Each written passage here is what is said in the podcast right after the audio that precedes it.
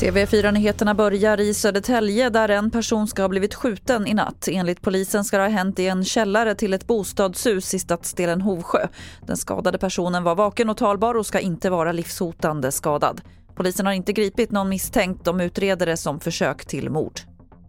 Storbritannien kan ha en ny premiärminister redan i eftermiddag, nämligen Rishi Sunak.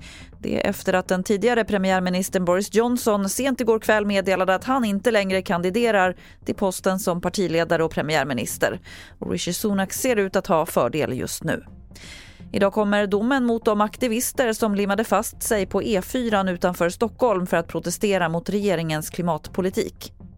Det var den 29 augusti som 13 aktivister i reflexvästar stoppade trafiken på E4 utanför Stockholm. De krävde att regeringen ska återskapa de torrlagda våtmarker som nu läcker ut koldioxid.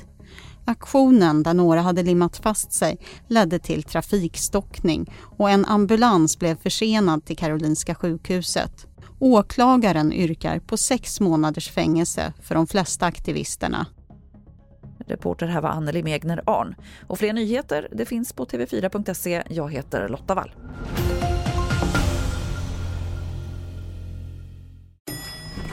Nej.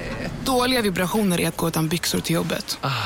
Bra vibrationer är när du inser att mobilen är i bröstfickan. Alla abonnemang för 20 kronor i månaden i fyra månader. Vimla! Mobiloperatören med bra vibrationer.